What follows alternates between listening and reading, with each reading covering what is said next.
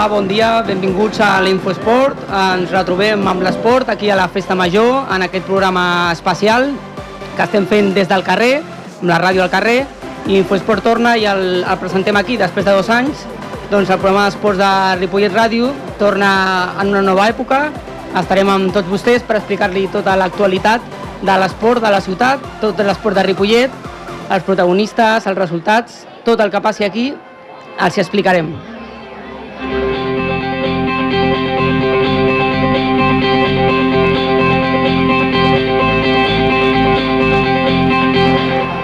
Serà cada dilluns a partir del dia 16 de setembre, de 7 a 8 de la tarda, que estarem amb tots vostès en aquesta nova època del programa Infoesport.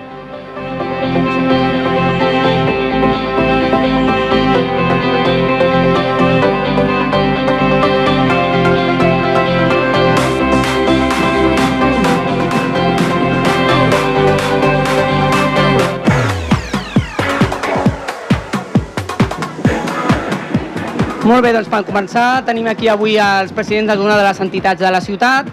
Els hem invitat per que ens expliqui una mica com, com s'afronta aquesta temporada, una temporada que, que, bueno, que eh, no sembla que, que comenci gaire bé amb tot aquest tema de, de, de, de la llei de l'esport i, de, i de les coses que, que Hisenda està obligant als clubs, en parlarem amb ells ara mateix.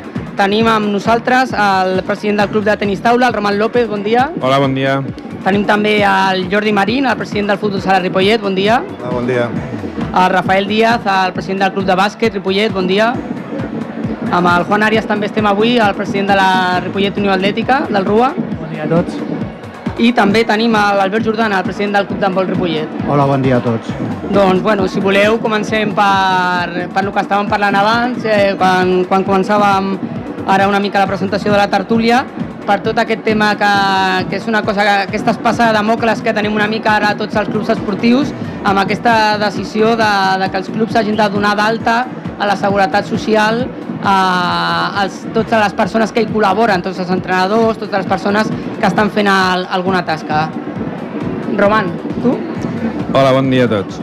Doncs bé, eh, aquí doncs, eh, tenim aquesta situació a nivell de clubs que s'ha produït bueno, ja fa uns mesos eh, amb les inspeccions que està fent la Seguretat Social, que ja ha començat a fer a diferents eh, clubs, i home, mm, així per començar eh, la tertúlia, jo crec que si això tirés endavant, ara estem en moratòria per veure com queda doncs, tota la, tota, tot el que s'ha demanat a nivell de la Generalitat de canvi de regulació, doncs, eh, però si això s'arribés a confirmar, jo crec que pràcticament seria la mort de molts dels clubs de, dels, que, dels que estem aquí i de, bueno, de tota Catalunya. Rafa, tan complicat és tenir, a, haver de fer aquest canvi, haver de, de, de donar d'alta la seguretat social, què suposaria això? Suposaria unes despeses bastant gairebé un 40%. A veure, tenim un problema amb el micro, a veure, el canviem. Ara sí? Hola, ja està. Ara sí, perfecte. No, eh... Gràcies, Jordi. El tècnic, per ser, el Jordi Puy a les línies de so. Gràcies. Estava comentant que suposaria gairebé un, una pujada d'un 37% de les, de, de les despeses que, que tenim, eh, que en principi és, seria dels col·laboradors. Bueno, nosaltres, mm, el Club Bàsquet Ripollet mai ha tingut treballadors. Per tant, nosaltres anirem al tema tal com ho estem fent ara i ho continuarem fent, el tema de voluntariat. I el voluntariat és voluntariat i, eh, i és agafem a la llei del voluntariat i anem al, al tema de, de, de, de treballar i col·laboradors i, i a veure què passa. És cert, o sigui, el que estan fent des de Madrid, des de la tesoreria de la Seguretat Social, el que estan fent a, a l'esport en Catalunya, o sigui, eh, estan fent a nosaltres, així de clar és carregar-se, se ho està encarregant total. Mm -hmm. Juan, eh, aquesta figura de voluntariat tampoc està molt clara, no? És a dir, que també és, és difícil com canalitzar tot això, imagino que per les entitats. És complicat justificar-ho perquè a, a poc que li donis una retribució per cobrir gastos a aquests voluntaris, com, com dèieu, no deixarien de ser treballadors i costaria justificar-ho. Però com dèiem els altres presidents doncs és l'amor de, de l'esport de base de molts clubs petits com són els, els nostres o com a mínim jo parlaré pel meu eh, seria l'amor perquè aquest increment des del club no ho podríem eh, assumir i hauríem de fer-ho amb l'ajuda de, de pujada de tarifes als socis, això implica que molts pares deixarien de portar els nens a, a la nostra entitat i això acabaria sent doncs, l'amor del, l'amor del club. Així Mm. doncs, esperem que s'ho repensin i que, que tot tingui un final feliç. Mm, Això us volia preguntar, no? Uh, ara, per exemple, l'Albert ens podria dir si això realment, al final, que acabaria repercutint és en, en, en les persones que, que teniu allà eh, amb el club, no? Els, els jugadors que formen part, perquè els recursos que teniu són limitats també, no? Sí, perquè bueno, les recursos que tenim és les quotes que paguen els nens i algun sponsor que tenim que tenim molt pocs, perquè ara, tal, tal com està la crisi, d'esponsors es poden comptar amb les dits de la Sí, mà. sí, d- d'això també us volia preguntar, no? Que en aquesta situació de crisi com estem d'esponsors, no? Perquè també això ens arriba, és, un, és, un, és una altra pedra, una segona pedra amb les rodes després de la situació de crisi, no? Que tenim, Jordi, que tema sponsors que... Bueno, todos conocemos la situación que tenemos en el país, ¿no? Y a nosotros nos está también perjudicando de alguna manera, ¿no? Eh, nosotros a principio de temporada pues intentamos conseguir sponsors nuevos y tal. Y cuando vuelves a final de temporada para que te paguen la cuota y tal, pues se ven en la situación de decirte que no te pueden pagar porque es que no, realmente no pueden. La situación es tan mala que no te pueden pagar. Eso nos perjudica a nosotros porque sobre las previsiones que tenemos no podemos cumplir esos presupuestos. ¿Y qué te conlleva ello? Pues tener que subir cuotas de niños, la situación es muy mala tanto para nosotros como para los padres.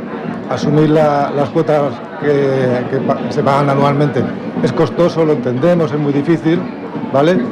Pero claro, eh, tenemos ese problema. Nos encontramos ahora con el tema de con lo de la seguridad social, que esto, esto va a ser la muerte para el fútbol, eh, para el deporte base de, de- este- Cataluña, ¿no? Porque realmente donde están metiendo todo este tema es en Cataluña, porque te pones en contacto con otras entidades de- del resto de España y en ningún sitio se están haciendo inspecciones, se están haciendo en Cataluña. Las sanciones están cayendo en Cataluña. Entidades de aquí, de, de Cataluña, que le han, ponido- le han puesto sanciones de 200.000 euros, ¿eh? que nos vienen a, a nosotros, nos hacen una inspección y nos ponen una sanción de ese tipo y ¿qué hacemos? Cerramos y nos vamos, porque no podemos hacer nada más. Y este es el gran problema que tenemos. I teniu alguna esperança, Rafa, que això pugui canviar? Tenim un mes encara més o menys de la moratòria, està fins al 30 de setembre, em sembla, i a partir del dia 1 d'octubre hauria de començar a funcionar, no? Eh, és altre hasta, hasta el 30 de setembre, però de paraula, de paraula, eh, fins al dia 31 de desembre. Fins al 31 de desembre us han dit que la cosa Van estarà...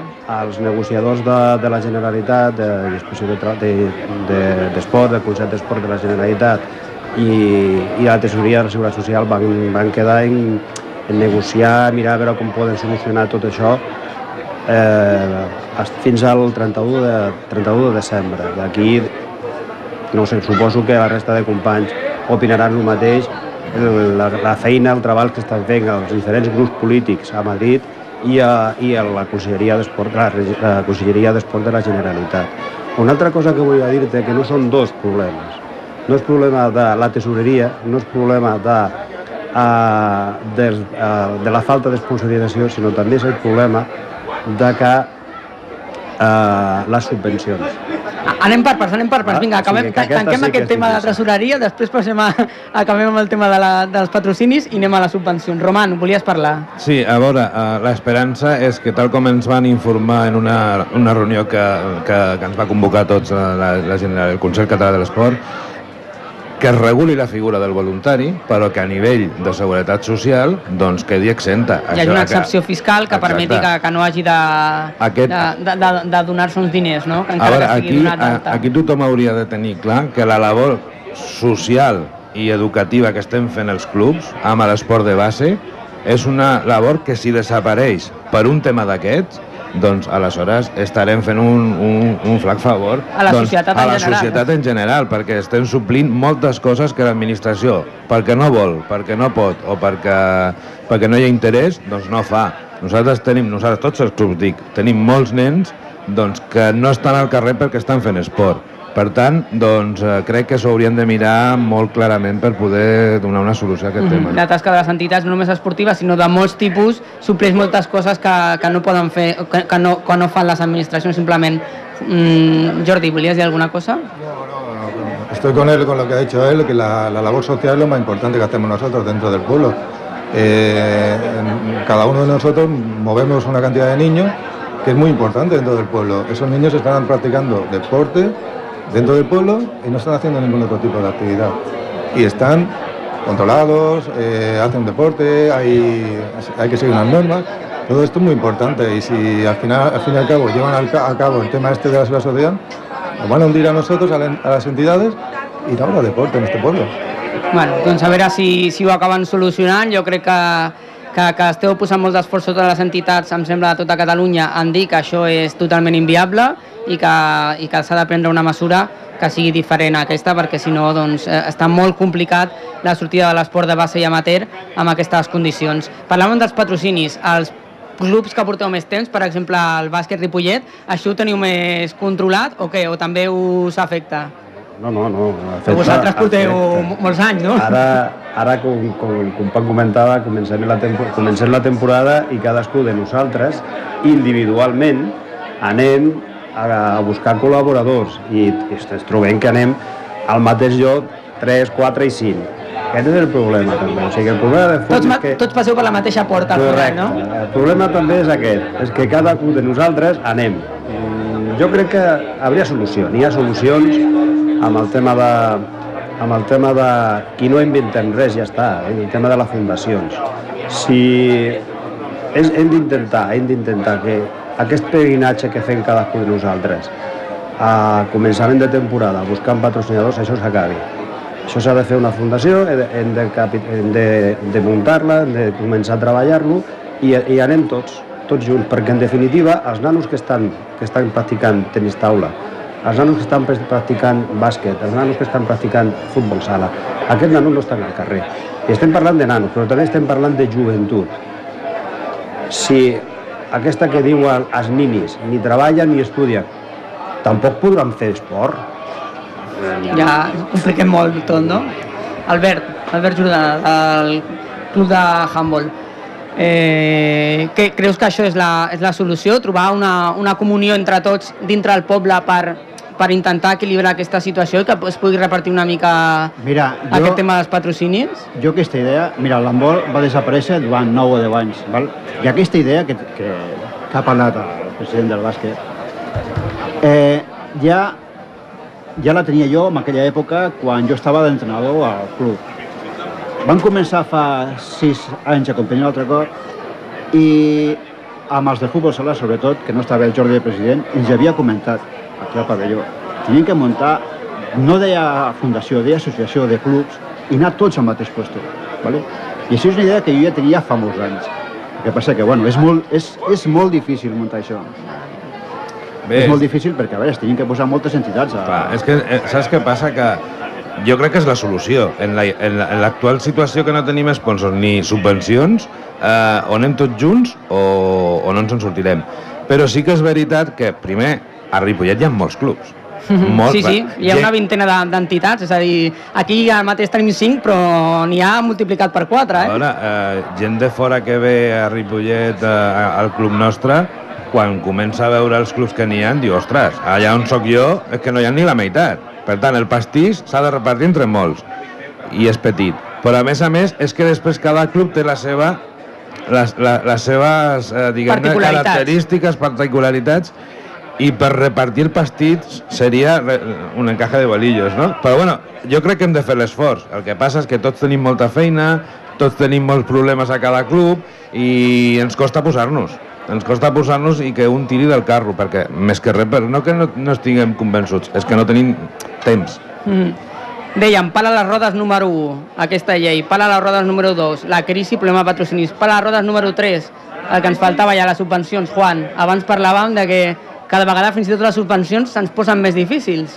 Sí, jo pel tema de l'atletisme en concret, la federació que abans ens donava una subvenció econòmica que tu dedicaves al club a el que necessitaves, doncs ara ho han reconvertit en material esportiu, que sempre va bé tenir material esportiu i anar-lo renovant, però si jo, per exemple, haig de pagar el viatge d'un equip juvenil que s'ha classificat pel Campionat d'Espanya i ha de viatjar a Huelva, l'he de pagar l'hotel, l'he de pagar el viatge i no li puc pagar a l'hotel amb el material esportiu que em dona la federació, que, que molt bé, està molt bé que em doni material esportiu, però a mi s'hauria gastar, gar- m'aniria millor que em donessin calés. Si necessito material ja el compro i a més a la botiga no em faci millor preu que no a la botiga pròpia de la federació que em marca els preus, amb la qual ja fins i tot a les pròpies federacions ja ens suposen les traves ja si després ja anem a subvencions ja de, de bueno, que ja... Més enllà ja, més enllà, pitjor, ja, ja, pitjor ja ni encara, parlem-ne, no? Perquè ja no, no es redueixen un 10%, sinó que et donen un 10% del que et donaven, amb la qual si et donen, eh, amb la qual la retallada és brutal i en clubs petits, com jo parlo pel meu, com sempre, la, aquesta part de la subvenció és molt important perquè si no el, el recàrrec sobre l'atleta, sobre el nen, és, és molt gran. Amb Mm, qual, al final estem doncs, parlant que al final acaba, acaba sempre patint passa- sempre l'esportista, no? Exacte. I les famílies, a més unes famílies en crisi en una situació que tampoc és, és fàcil, no? Bueno, si us sembla, ja hem, ja ens hem fet una mica l'araquiri, parlem una mica de, de coses... Mirem el futur una mica amb optimisme, no? Mirem una mica la temporada com l'encarem. Eh, Jordi, com, com afrontem la temporada?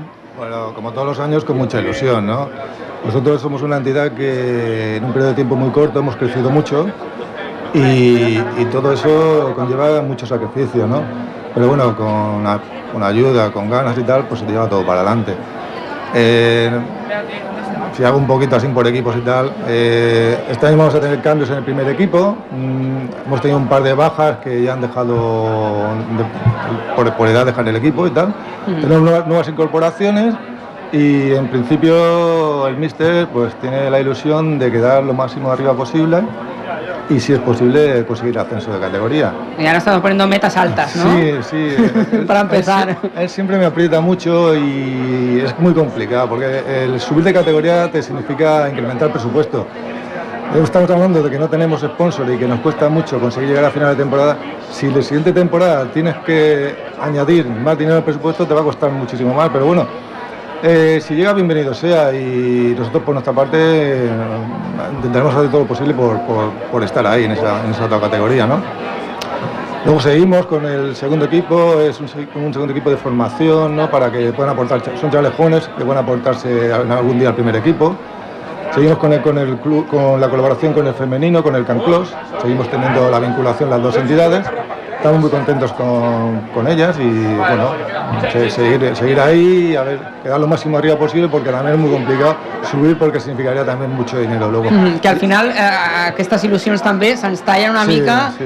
el, el que puguem fer esportivament tot l'esforç que tenim al final se'ns talla amb el, amb el tema econòmic no? quan, quan, volem, quan hem de donar un pas més endavant no tenim capacitat Sí, llega, llega el momento que tienes que decidir, o, o asciendes o, o te quedas ahí. Y a ver, es muy complicado, muy complejo todo y tienes que echar muchos números a final de temporada si lo podemos hacer o no lo podemos hacer. Porque claro, una vez que consigues la categoría, si luego renuncias a ellas, te bajan dos categorías para abajo. De- D'això sap molt, em sembla, el Roman també, eh? que també té uns clubs molt competitius que després a l'hora de la veritat... Eh, de que no, Roman? ahí. El, el tenis taula. Nosaltres, eh, el nostre objectiu és mantenir-nos perquè tenim un equip de primera divisió masculina que és de divisió d'honor, queden primers, no perden ni un partit i els hi tinc que dir cada any que no poden pujar perquè el pujar de categoria és anar a una categoria que només hi ha un equip català. És tot viatges fora de Catalunya. Això és impossible. Aleshores, bueno, les noies les tenim a divisió d'honor i per tant, doncs, si es mantenen és més assequible que els nois perquè hi ha menys grups i bueno, doncs es pot eh, assumir i quan puguem, la temporada que puguem, que la veig lluny, doncs pujaran els nois perquè és que la categoria la tenen a nivell tècnic. La nostra intenció és tenir tota l'escala d'equips, des de nacionals a provincials, perquè la gent no hagi de marxar del club doncs, en funció del seu nivell. Cadascú que arribi al seu nivell i en principi doncs, eh, en aquestes estem. Ens falta cobrir un parell de categories de provincial i dos de nacional i bé, mm, de moment mantenir-nos i en les de promoció doncs, intentar cobrir els forats doncs, per, per cobrir tota l'escala. Mm. Albert, Nosaltres eh, segurament tindrem dos sèniors masculins perquè ens passen 11 jugadors del juvenil al sènior. Això implica que tenim que fer un altre sènior, segurament que el farem. El que passa que ens faltarien dos o tres jugadors que estem buscant. I després segurament que tindrem tres equips més. Un equip femení, no sabem si serà juvenil o sènior, que aquest l'estrenareu, perquè no en teníeu. no, tenim un equip infantil femení, Vale. però aquest any tindrem l'equip infantil femení que pugen a cadets, però un equip segurament que serà sènior. I tindríem dos alevins més, un masculí i un femení. O sigui que, I la nostra aspiració, bueno, l'aspiració és, eh, si podem pujar, pugem. Volem pujar, no? Però bueno, tampoc és l'objectiu. No és l'objectiu. Aquesta temporada passada van jugar les fases d'ascens i aquesta temporada tampoc és l'objectiu. L'objectiu és bueno, formar jugadors i d'aquí dos, tres temporades sí. Però ara, de moment, mm, l'objectiu és bueno, estar allà a la categoria, eh, si pot ser guanyar més partits que la temporada passada, si aconseguim jugar a la fase d'ascens un altre cop, doncs, bueno, igual sí que aquest any, diem, bueno, ja que hem arribat aquí, doncs, a veure si aspirem fer una miqueta més que l'any passat. Una miqueta més de sort, sí, perquè, també. Sí, no, perquè l'any passat, diguéssim, no vam pujar, vam tenir opcions fins a l'últim partit. Sí, sí. I l'últim partit, el millor jugador que tenim, que és un, un noi que eh, ha jugat a categoria nacional, ha sigut campió d'Espanya cadet juvenil, eh, es va lesionar i això, pues, bueno, eh, aquí va ser la clau. I no van pujar per un gol. O sigui que... Sí, sí, va estar allà a punt. Rafa, el bàsquet Ripollet. Bueno, nosaltres... Vosaltres teniu molts equips, també, eh? Sí, sí, sí, sí. Eh, A nivell esportiu estarem, estem molt il·lusionats perquè hem posat de primera, el sènior, eh, la resta d'equips estan, tenen una, una pinta bastant maca eh, i a nivell diguem, a nivell del bàsquet femení és, és la, la, la espinita que tenim. Hem d'intentar reforçar-lo, intentar recuperar perquè eh, n'hi ha moltes jugadores que se'n van de, Salva- de Ripollet, se'n van a Cerdanyola, se'n van a Sabadell, tenen, són clubs més potents que els nostres i clar, i és difícil. I a nivell de, de lo que és el bàsquet en general, jo no, no m'agradaria tancar tot això sense, sense donar una abraçada molt, força, molt forta des del micro als companys de, de, l'escola de, de la nostra escola de bàsquet del Sant Graviel. Estem fent una, una tasca d'unificació, d'unitat, d'unitat, per què és el que, el que estàvem parlant abans. Si anem tots junts, si hem de començar per la nostra feina, per lo que és el bàsquet, el bàsquet, unificar el bàsquet i a partir d'aquí continuem. Mm, és molt important també aquesta feina final d'economia d'escala, no? que, Correcte. que per tenir una mica més de potència, el que comentaves, es necessita més potència com a entitat per tenir els clubs, els equips més potents també i aquesta economia d'escala que fem amb altres entitats també és molt important, el portem amb, amb el Can Clos també, el futbol Saladella, més a dir, també és important a, a, a aquesta couple ent- entre diferents entitats que, que es donen suport unes a les altres, no? Em quedava el, el Juan, el, el Rua. Doncs nosaltres des de ja fa uns anys hem apostat clarament per l'escola d'atletisme, per les categories de promoció.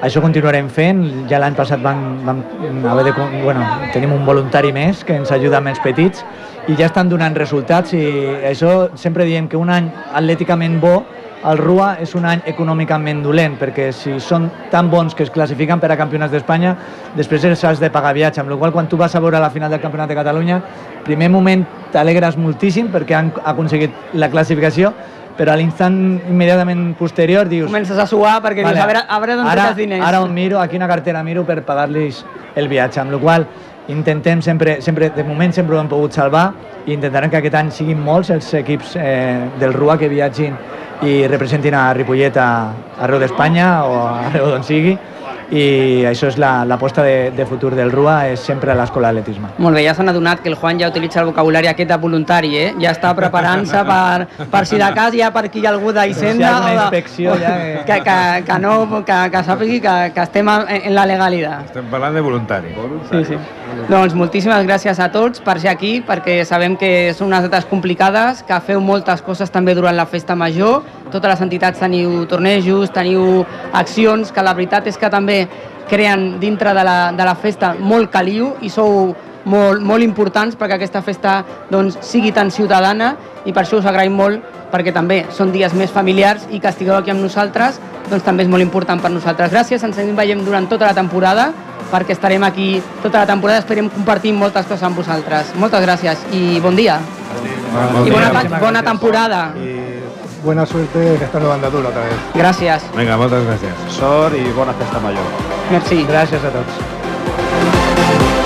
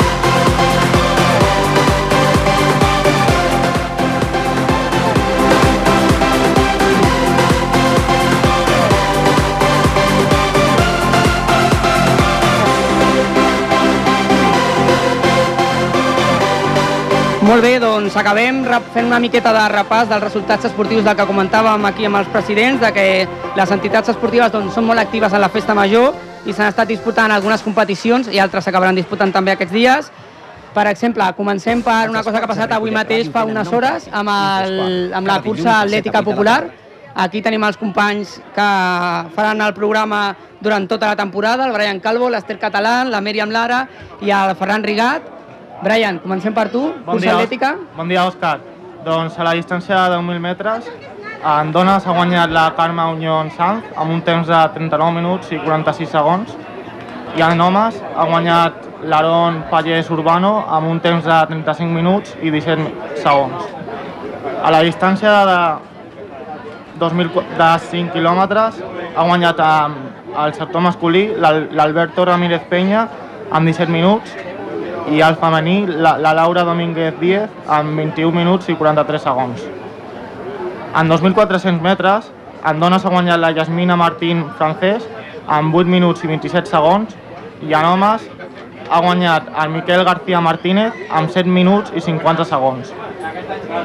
A la distància de 800 metres, en dones ha guanyat la Clàudia Alcolea Moron amb 2 minuts i 37 segons i en homes ha guanyat el Matios Rodríguez Fischer amb 2 minuts i 35 segons. Doncs eh, moltes felicitats a tots perquè han estat fent una cursa molt interessant.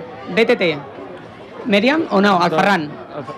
Doncs en BTT tenim de, menys de tercer a, a primer per, per aquest ordre, de, en tercer lloc Carlos Delgado, en segon Roberto Fidalgo i en primer Àlex Caballero. Àlex Caballero, que se'n va portar ahir la cursa de BTT de 20 quilòmetres. Fem una miqueta també de rapes al tennis. Eh, S'està jugant el torneig de... S'ha jugat ja el torneig de Festa Major de tennis al Club de Tenis Ripollet. Mèriam? La final individual de tennis ha sigut entre Àlex Moya i Víctor García, que ha guanyat Àlex Moya amb un resultat de 6-2, 6-7 i 6-3. I la final doble, que ha sigut amb la parella Àlex Moya i Fernando Moya, contra Javier Carreras i Raúl Montenegro, que han guanyat Àlex Moya i Fernando Moya amb, el, amb un resultat de 6-0 i 6-3. Doncs molt bé, els Moya que estan supercampions. Uh, Esther, el bàsquet 3x3 ahir al carrer que es va disputar ahir al matí, com, com va quedar la, sí. la competició? Doncs van guanyar la competició de sènior Antonio Quirós, Gerard Becerra i Albert Ortega. Molt bé, i fem un últim repàs al futbol, em sembla que ens queda. Ahir es va jugar, ahir a la tarda el Pajaril va jugar el seu torneig de festa major, va perdre 1 a 4 contra el Lloreda i aquest matí fa només una estoneta que va acabar el partit de, del Camp Mas. Com ha quedat, Ferran?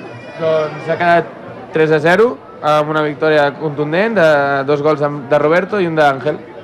3 a 0 pel, pel Camp Mas, que ha guanyat el, el camp del Congrés, oi? Cert al camp del Congrés. Aquesta tarda es disputarà el torneig de futbol del Club de Futbol Ripollet. Avui jugarem el Jafià a les 6 de la tarda. Demà jugarà el Ripollet contra el Mollet a les 7 de la tarda. I aquesta tarda també, a partir de les 5, al Centre Cultural, el torneig d'escacs. Eh, les, eh, tot, encara em sembla que es poden fer les inscripcions fins a un quart d'hora abans, així que la gent que, que vulgui ja ho sap. Fins aquí acabem amb tota l'actualitat la, i els emplacem a partir del 16 de setembre. Moltes gràcies als companys. Moltes gràcies. Ens retrobem el 16 de setembre i a vostès, a tots, els emplacem a partir del 16 de setembre amb el programa Infoesport. Torna l'esport a Ripollet Ràdio. Tornarem a estar amb tots vostès en aquesta nova època els dilluns de 7 a 8 de la tarda al 91.3 de la FM i a ripolletradio.cat en directe i també si ho volen escoltar al seu telèfon, al seu cotxe, quan van a treballar després, doncs es poden descarregar el podcast a la web ripolletradio.cat i el tenen allà i l'escolta com vulguin. Moltes gràcies, bon dia i bona festa major.